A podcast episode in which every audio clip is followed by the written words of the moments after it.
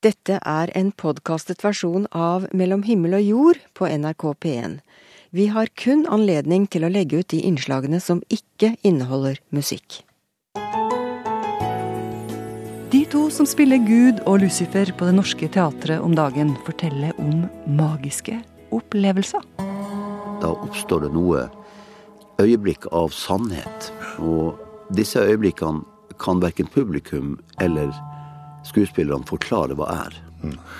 Da har jeg opplevd det som, som, at hele rommet begynner å synge. Det bare oppstår. Eh, og alle vet at dette er helt sant. Margrethe Nåvik heter jeg. Vi går også på leit etter tanken bak gjenbruk. Du får høre om hvordan en gammel gardin fikk et uventa og nytt liv hos vår reporter. Det handler jo om å gi, eh, tenke over når man på en måte sjøl har brukt opp en, eh, et plagg eller en ting. Tenker på det at eh, det går an å gi den tingen en ny mulighet. Som regel så, så finnes det flere muligheter, både for mennesker og plagg. Forestillinga Bibelen har nå rulla og gått på Det Norske Teatret i snart to måneder, er det vel? Jan Grønli og Bjørn Sundquist, henholdsvis Satan og Gud, var spent på reaksjonene. For når man setter opp en eh, seks timer lang forestilling fra den for noen hellige bok, så må man regne med å bli nøye vurdert og granska fra flere hold. Bjørn Sundquist har eh, fått noen brev. Utover det så har det ikke vært så mye oppstuss, egentlig. Nei, vi hadde venta oss faktisk eh, litt mer eh, raseri uh, overfor det vi har gjort, men vi har ikke fått det. Altså Tvert imot så har de fleste som jeg har hørt om, som, som er teologer, f.eks. professorer i teologi, folk som driver innenfor for religion, de, de har likt det veldig godt, de. Mm. Er det litt skuffende, eller? At ikke noe reaksjon. At vi ikke var mer provoserende. Ja, ja. Nei, ikke skuffende, men kanskje litt overraskende at, uh, at man tenker ja, har vi vært for snille?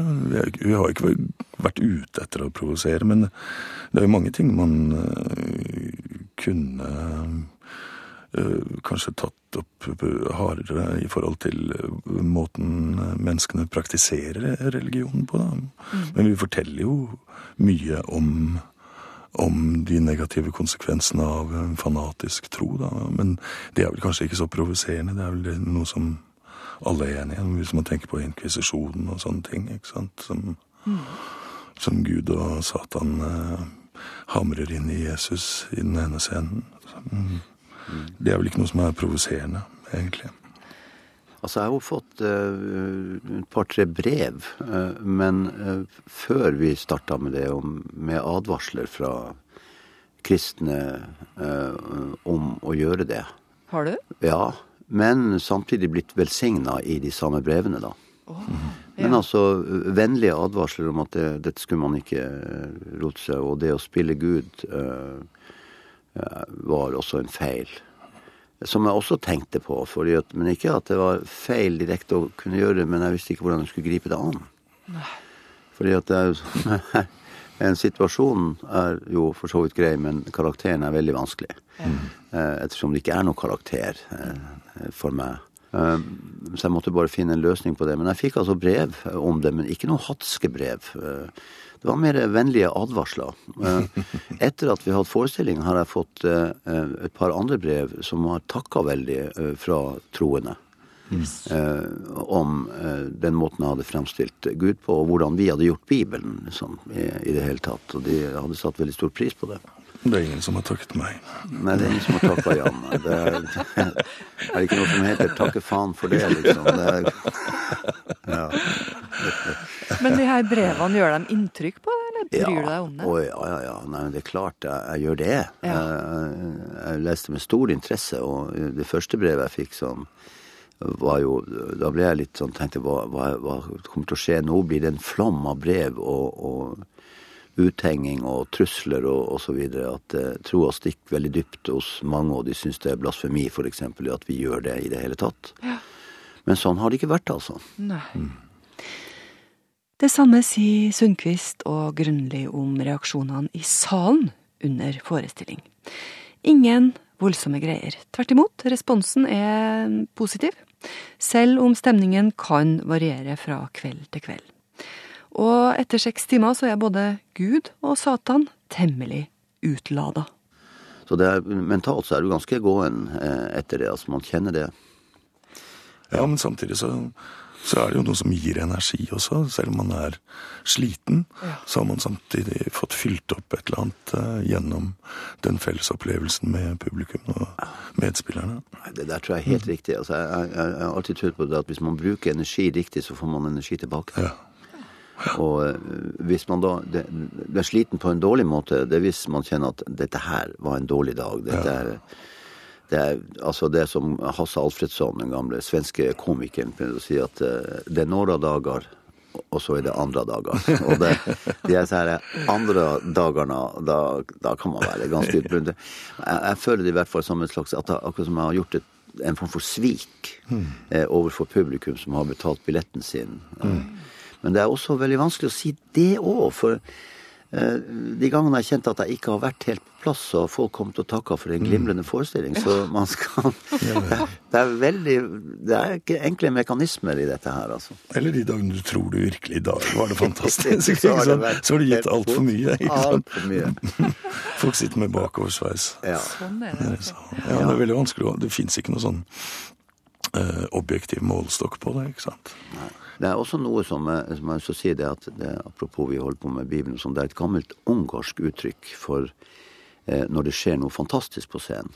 Aha. Og det kalles for at det, det, går en engel gjennom scenen. Mm. Og Vi pleier å si det går en engel gjennom rommet, men dette er noe litt annerledes. da, for at når en engel går gjennom scenen, så er det ikke gjennom scenegulvet, men gjennom situasjonen på scenen. Mm. Og, og, det betyr rett og slett at da oppstår det noe øyeblikk av sannhet. Og eh, disse øyeblikkene kan verken publikum eller skuespillerne forklare hva er. Mm. Det er bare oppstår. Eh, og alle vet at dette er helt sant. Eh, det kaller de i Ungarn for at det, det gikk en engel gjennom scenen. Mm. Det er jo ikke ofte man opplever det. Nei, det er ikke. Nei, altså, det, det er de magiske øyeblikkene som gjør at man stadig elsker å jobbe med dette. Og det er de utrolig magiske øyeblikkene som man lengter etter i livet òg. Ja. At det skal skje noe helt fantastisk. De gangene, få gangene jeg har opplevd det, så jeg vil ikke fortelle konkret om men jeg, den måten jeg har opplevd det på, da, når det har skjedd, det er magiske, da, da har jeg opplevd det som, som at hele rommet begynner å synge. At det er som en sang i rommet. en eller annen i hele rommet som begynner å Det er sånn at man egentlig ikke burde snakke om det. Nei. Jeg har også opplevd dette. Altså. Det er eh, noen få ganger, men det, når du har først gjort det, så, så, blir det du holder på med, så veldig fylt av mening. da. Ja, det blir nesten som et religiøst Ja, det er det. Det er et religiøst øyeblikk. Da, for at det hever seg over utenom alt noe teater og sånn. Det er noe som har oppstått. og Jeg tror de tingene oppstår når man jobber hardt. Det kan ikke bare plutselig komme fordi at eh, da har liksom et eller annet ukjent bestemt at nå kommer vi ned. Men det er fordi du har jobba så, så, bra som du har gjort. Du tror det, ja? Ja, ja det tror jeg. Ja. Man må jobbe for det. Men det er ingen av dere som vil fortelle om en sånn konkret situasjon? Nei, altså, nei, jeg vil heller ikke det. For det, det, er noen hemmelige ting man skal ha der. Noen hemmelige rom. Ja. Jeg har nesten sagt for mye allerede. Det sier Bjørn Sundquist og Jan Grønli, som spiller Gud og Satan i forestillingen Bibelen på Det Norske Teatret om dagen. De her to herrene har mer å fortelle. Derfor så kommer de tilbake på langfredag morgen her i NRK P1 i god helg. Vi gir bort stadig mer kunne man lese i VG på torsdag. Trendanalytikere og forskere mener at det å bruke ting om igjen begynner å gå fra å være en trend til en holdning blant oss nordmenn. Og det fine med gjenbruk er at én persons skrot kan bli en annens skatt. Den opplevelsen fikk vår reporter da hun skulle lage en sak om hvordan gammelt materiale kan få nytt liv. Ja, men det hørtes så kult ut da. Ingrid Riddervold prater i telefonen. Ei venninne ringer og lurer på om redesigneren har lyst på gamle kart som de deler ut gratis på universitetet. For ei som jobber med å lage nye ting av gammelt materiale, er det ikke vanskelig å takke ja til det tilbudet. Sjøl om det begynner å bli fullt på lageret. Det er lettere å finne enn å få brukt alt, så ja, prøver å roe ned litt på innsamlinga nå. Pluss at jeg har fått stor konkurranse da, av alle de andre redesignerne som popper opp. Det er et hardt liv på lappemarkedene om dagen. Spisse albuer og På et vis er jo det nesten et godt tegn. Det er et veldig godt tegn. Det er artig å se at folk lager ting. 29-årige Ingrid er utdanna grafisk designer, men jobber hovedsakelig med redesign av tøy og andre gamle materialer. Hun har merka seg den økende interessen for gjenbruk og redesign, og tror det har sine helt naturlige grunner. Jeg tror eh, de fleste folk har et behov for å skape ting og lage sine egne ting. Enten det er skrive bøker eller å bygge hytte eller eh, hva som helst, så har vi et sånn skaperbehov. da. At man kan male opp en kommode eller sy et nytt putetrekk til sofaen. At folk får en veldig glede over den, å se at man har lagd noe sjøl. Samtidig som å ta vare på arven fra familien vår, eller arv fra andre. Folk har tatt så godt vare på møblene f.eks. gjennom de siste hundre år, og så kommer vi og bytter ut annethvert år. Den, eh, når på en måte Ikea kom med sitt inntog og alle sammen hadde likt, så ble det jo mer unikt å finne en gammel sminkebord etter mormor, eller jeg tror veldig mange setter pris på å ha ting med litt historie bak. da. Det er kanskje noen hakk i ene beinet der, og det har vært med på noen turer og flytta litt hit og dit. Og Hva tror du har skapt denne interessen for redesign og gjenbruk av materialer hos deg? Nei, jeg har nå vokst opp i et hjem der det ikke ble kasta noen ting, da. Vi så verdien i å ta vare på alt fra materialer til ting og tang som kanskje kunne repareres. og ja, Det var ikke så mye nytt. Det var å ta det vi hadde, da. Hvordan var det når du var liksom 13 år og hadde lyst på noe nytt? Ja, nei, da På den tida så var jeg mest lyst på nytt, sånn som de andre hadde. Eh, men nå når jeg ser tilbake på det, så er det en, på en måte en skatt da, å ha vært i den situasjonen, eller har vært i den tankegangen. Da, at det er bare positivt å se tilbake på hva vi fikk til å ha. Ingrid er kanskje mest kjent for sine lommebøker laga av gamle melkekartonger og hun har sin egen kilde til det materialet. Her er det fylt til randen. det her er det min mormor som samler, da. Hun er glad i Biola, så hun samler og bretter og skyller for meg, vet du. Så Altså som mor som datter som barnebarn? Ja da, det er nok derfra det kommer, hele den eh, tankegangen der, ja. Der tar vi vare på ting. Det er flere i familien som var litt vanskelig for å kaste. Men nordmenn generelt har ikke problemer med å kaste. I Norge kaster vi totalt over 10 millioner tonn avfall i løpet av året. Men det er ikke alt som havner på søppeldynga. Vi gir bort en del òg. Folk kommer og leverer det i kasser og poser i butikken her. Og så ringer de. Så mange som ringer hit og vil ha, ha at vi skal komme og hente.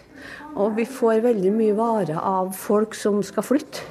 Det er alltid spennende å pakke ut.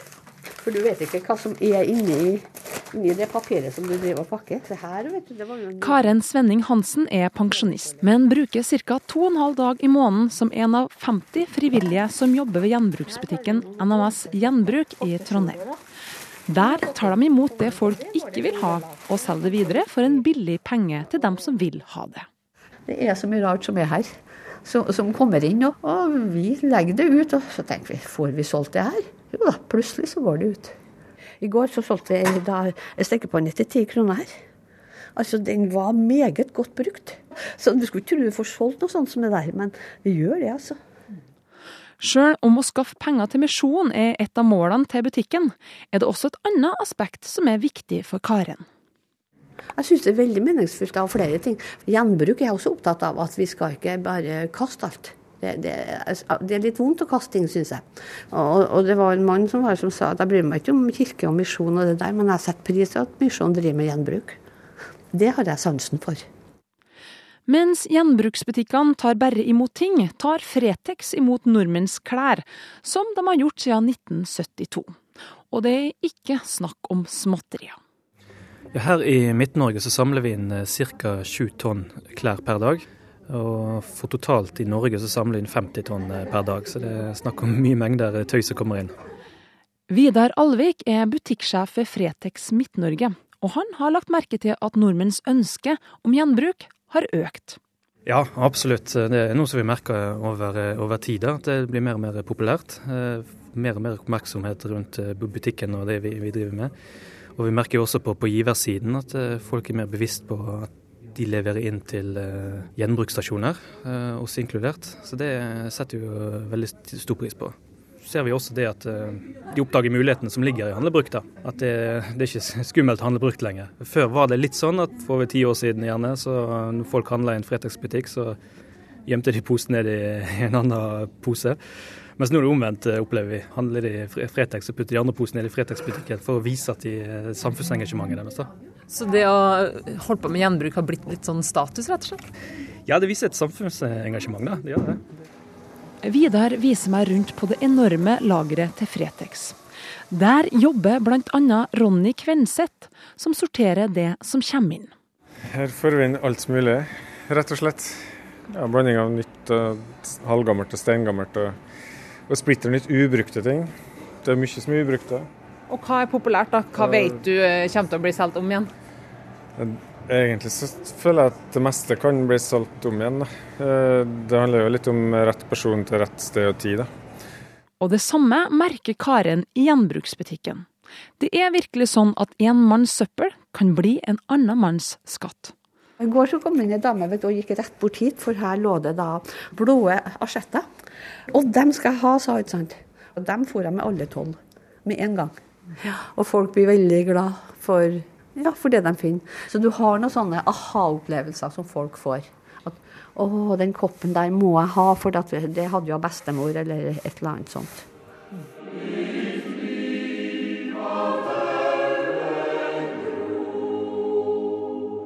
Gjenbruk handler ikke bare om billige ting og å bevare miljøet. Det handler om nostalgi, minner og historie. Noe som er viktig for redesigner Ingrid. På nettsida hennes står det at hun ønsker å gi gamle materialer med sjel og historie rett og slett et nytt liv. Hvis man lager noe nytt, så kan folk få bruk for de materialene en gang til, før de går på dynga i hvert fall. F.eks. et par gamle gardiner fra noen sin hytte. da. De har jo hengt der og vært med på det meste, og ofte når de ser de gardinene, så kommer barndomsminnene frem. da. De visste ikke akkurat hvordan de gardinene så ut, men når de ser dem, så kommer plutselig alle de somrene på hytta frem og bare wow. Og da er det litt historie og, og litt sjel i de tingene, da. Plutselig så står folk med hele barndommen sin i en, i en liten kjole? Ja, på sett og vis. Det, det blir litt sånn. Og så Man kan ikke dra det altfor langt, selvfølgelig. Det, det, er jo fortsatt bare et stykke tøy. Det er jo hva vi selv, de minnene vi sjøl har, da, som lever videre gjennom de materialene. Du kan gå inn på mitt lille verksted. Ja. Ingrid viser meg småkjoler hun har sydd av gamle duker, klær og ikke minst gardiner. Plutselig er jeg tilbake på hytta vår på Helgelandskysten. Sol, regn, fisking og sommerferie. Her er min barndom. Er det det, ja? Ja, den hadde vi på et eller annet rom, husker jeg. Det er sånn norskprodusert. Så vittig. Ja, det her, var, det her ga flashback, kjente jeg. Ja, det er det jeg snakker om, vet du. Da har du historien. Jeg drar fra Ingrid noen kroner fattigere, men med en helt ny kjole laga av gamle sommergardiner og gamle barndomsminner. Kristin Norvoll Mork snakka om gjenbruk med redesigner Ingrid Riddervold, frivillig selger ved NMS Gjenbruk i Trondheim, Karen Svenning Hansen, og salgssjef for butikkene i Fretex Midt-Norge, Vidar Alvik. NRK Du hører på Mellom himmel og jord. Hvit røyk mot kveldshimmelen. Folkemengde med gråtende mennesker, vaiende flagg. Ingen kan ha unngått å fått det med seg. Annuncio vobis gaudium magnum abemus papam. Den katolske kirka har fått ny pave. Sancte Romani Ecclesi Cardinalem Bergoglio. Helt vanlige folk snakker alvor, og tuller om paven på Facebook og Twitter og i lunsjrommet. Ja, de vi hadde en historie om det, den skorstenspipa der den svarte røyken kom ut. Oppå der pleier det å sitte noen måker. Så de hadde en lang historie med bilder om uh, måkene som sitter på skorsteinen. Hvorfor får det her så enorm oppmerksomhet? Er det noe så farlig med han der paven, da? Paven er jo åndelig leder for rundt 1,2 milliarder mennesker rundt om i verden. Hans holdninger, hans stil, er viktig for hvordan veldig mange mennesker tenker om religion og kultur. Jeg leste faktisk i VG i går at eh, da han kom tilbake etter å ha blitt valgt til pade, så hadde de satt fram en sånn svær trone til ham. Men den ville han ikke sitte på, han vil heller sitte på vanlig stol i lag med andre kardinaler. Så det er ikke så rart, kanskje, at vi også her i landet har utvida nyhetssendinga om paven, og at vi snakker om det. Dessuten, mens gudstjenestebesøkene i Den norske kirke har blitt betydelig færre, folk melder seg ut og mange kirkebenker står tomme, så øker oppslutninga om den katolske kirka her i landet. Den øker mest av alle trossamfunn, faktisk. Og nå er det snart flere katolikker enn muslimer. Da jeg satt og leste eh, Adresseavisa her om dagen, så dukka det opp en signatur fra en ung mann med et friskt forslag. Katolikkenes kirke i Trondheim er fylt til randen. Det er fullt. Det går ikke lenger. De må flytte på seg eller bygge nytt. I statskirkebyggene derimot er det mange ledige stoler, så kan ikke katolikkene få en av sentrumskirkene, da, sier denne mannen. Ikke nok med det, han mener også at uh, lutheranerne og katolikkene kan dele på domkirka. Ha to biskoper. Jeg har invitert like godt uh, Daniel Johansen på kaffebar. Vi går imot skille mellom stat og kirke, ikke sant?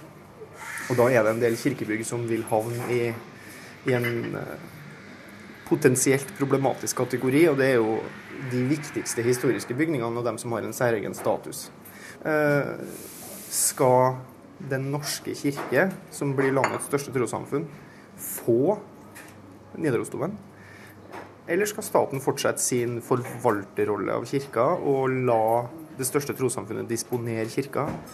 Eh, men hvis staten blir sekulær og skal fortsette å Eh, forvalte kirka, er det da riktig at det kun er det største trossamfunnet eh, som skal ha enerett på å disponere den, og som også da har rett til å leie den ut til markedspris til andre trossamfunn. Det skal jo sies, det gjør de jo.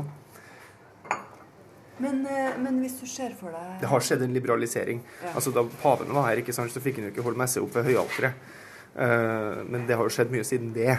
Så Det er jo ikke det som er situasjonen i dag. Det har jo skjedd veldig mye på den økumeniske fronten. Men spørsmålet er om de også kanskje kan være moden for å dele domkirkefunksjonen. Altså om de tåler å være to biskoper i samme kirke. Det kunne vært interessant. da. Jeg syns det er alltid veldig spennende når noen våger å tenke djerve tanker om eh, fastsatt, fastsatt eh, mønster. Mm. Uh, og jeg lar meg gjerne utfordre av det. Mm. Han Daniel han foreslår altså to biskoper til Nidarosdomen. Han setter kanskje litt på spissen her, jeg vet ikke. Men En katolsk og en luthersk. Hva syns du om det? Da Da måtte vi ha noen veldig ryddige forhold og veldig avklarte ting. Og, og... Ragnhild Jepsen er domprost i Nidaros. Ja, Ordna forhold oss imellom, så, sånn at det skulle gå bra. Og jeg, jeg, tror vel at det er godt at det er eh, et kirkesamfunn som nå har ansvar for driften og innholdet i, i kirka. Også at vi heller åpner opp og er velvillig økumenisk innstilt. Og det skulle bare mange, fordi det kirkerommet har sånne tradisjoner, og det ligger så mye av forventninger om det i veggene. Hva med det her forslaget til Daniel om å, å gi bort ei sentrumskirke i Trondheim til den katolske kirka?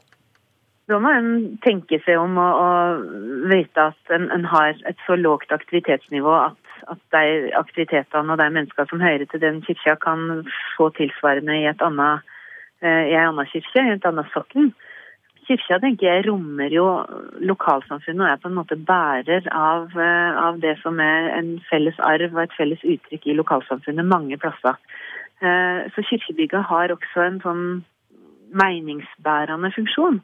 Og, og folk, om de ikke bruker det så mye mellom disse store begivenhetene, så, så er det utrolig viktig. Og det ser vi også kanskje særlig i forhold til dåp og, og vigsel og gravferd, at det da blir veldig viktig for folk å kunne komme tilbake til den kirka som har vært i bruk i eget liv, men kanskje også faktisk i generasjoner før.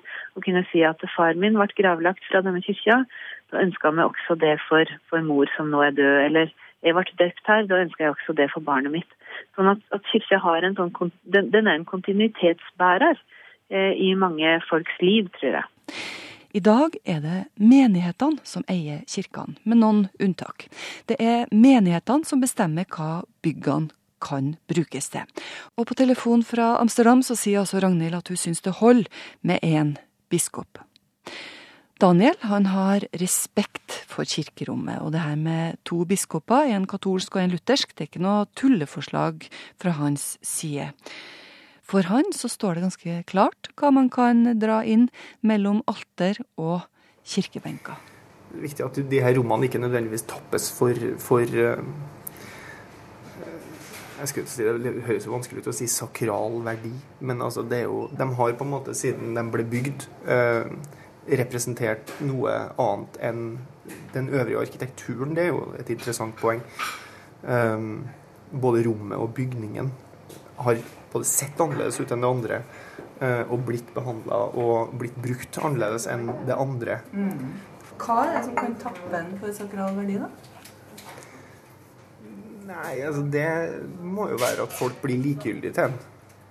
Uh, og det er jo alle sånne indisium som at folk ikke, ikke bryr seg om å ta av seg lua når de går inn, eller snakker høyt i mobiltelefonen når de er inne i kirkerommet. Altså? Det er jo sånn med alle alle systemer som, som noen har trodd på så plutselig så mister de Eller så tror ikke folk på dem lenger. Det folk som regel reagerer med, eh, som, som er det der faresignalet på at ok, nå begynner det her, og, begynner det her å tappes for verdi, og folk blir likegyldige til det. De opplever ikke selv at de, at de krysser en barriere idet de går inn i rommet.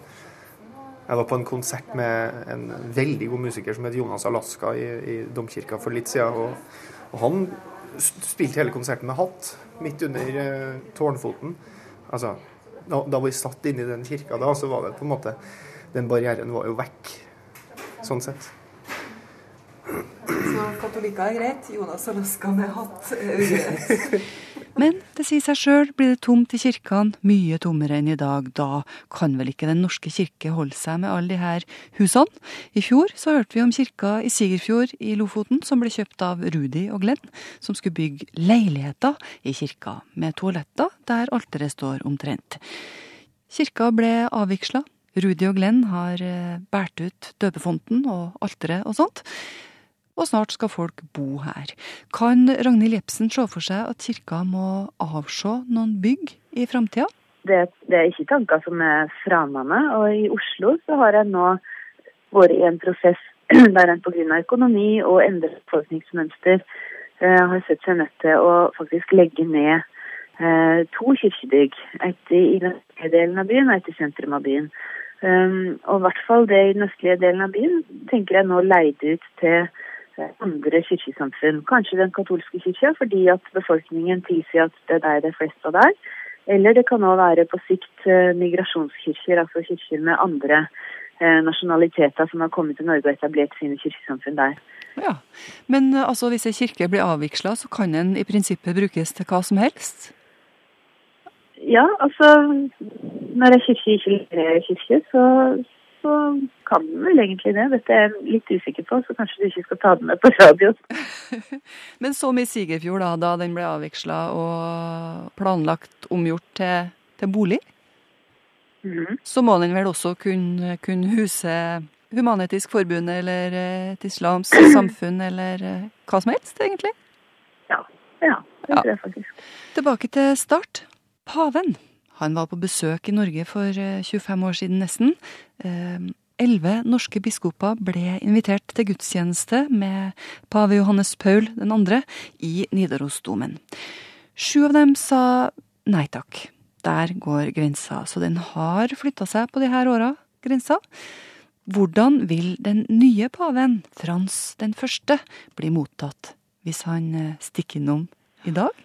Hvis den nye paven skulle komme til Nidarosdomen, så tenker jeg at uh, mottagelsen og, og, innholdet i den gudstjenesten ville bli annerledes enn det var i 1989. Fratelli e sorelle, buonasera. Margrethe Nåvik heter jeg. Har du et klapp på skuldra, et spark på leggen, tips eller triks? Vi tar imot på Himmel og jord, krøllalfa, nrk.no. Programmet vårt ligger ute på nett dersom du ikke fikk med deg alt her. nrk.no podkast. En riktig god søndag ønsker vi deg herfra. Gjerne med NRK Radio, for all del.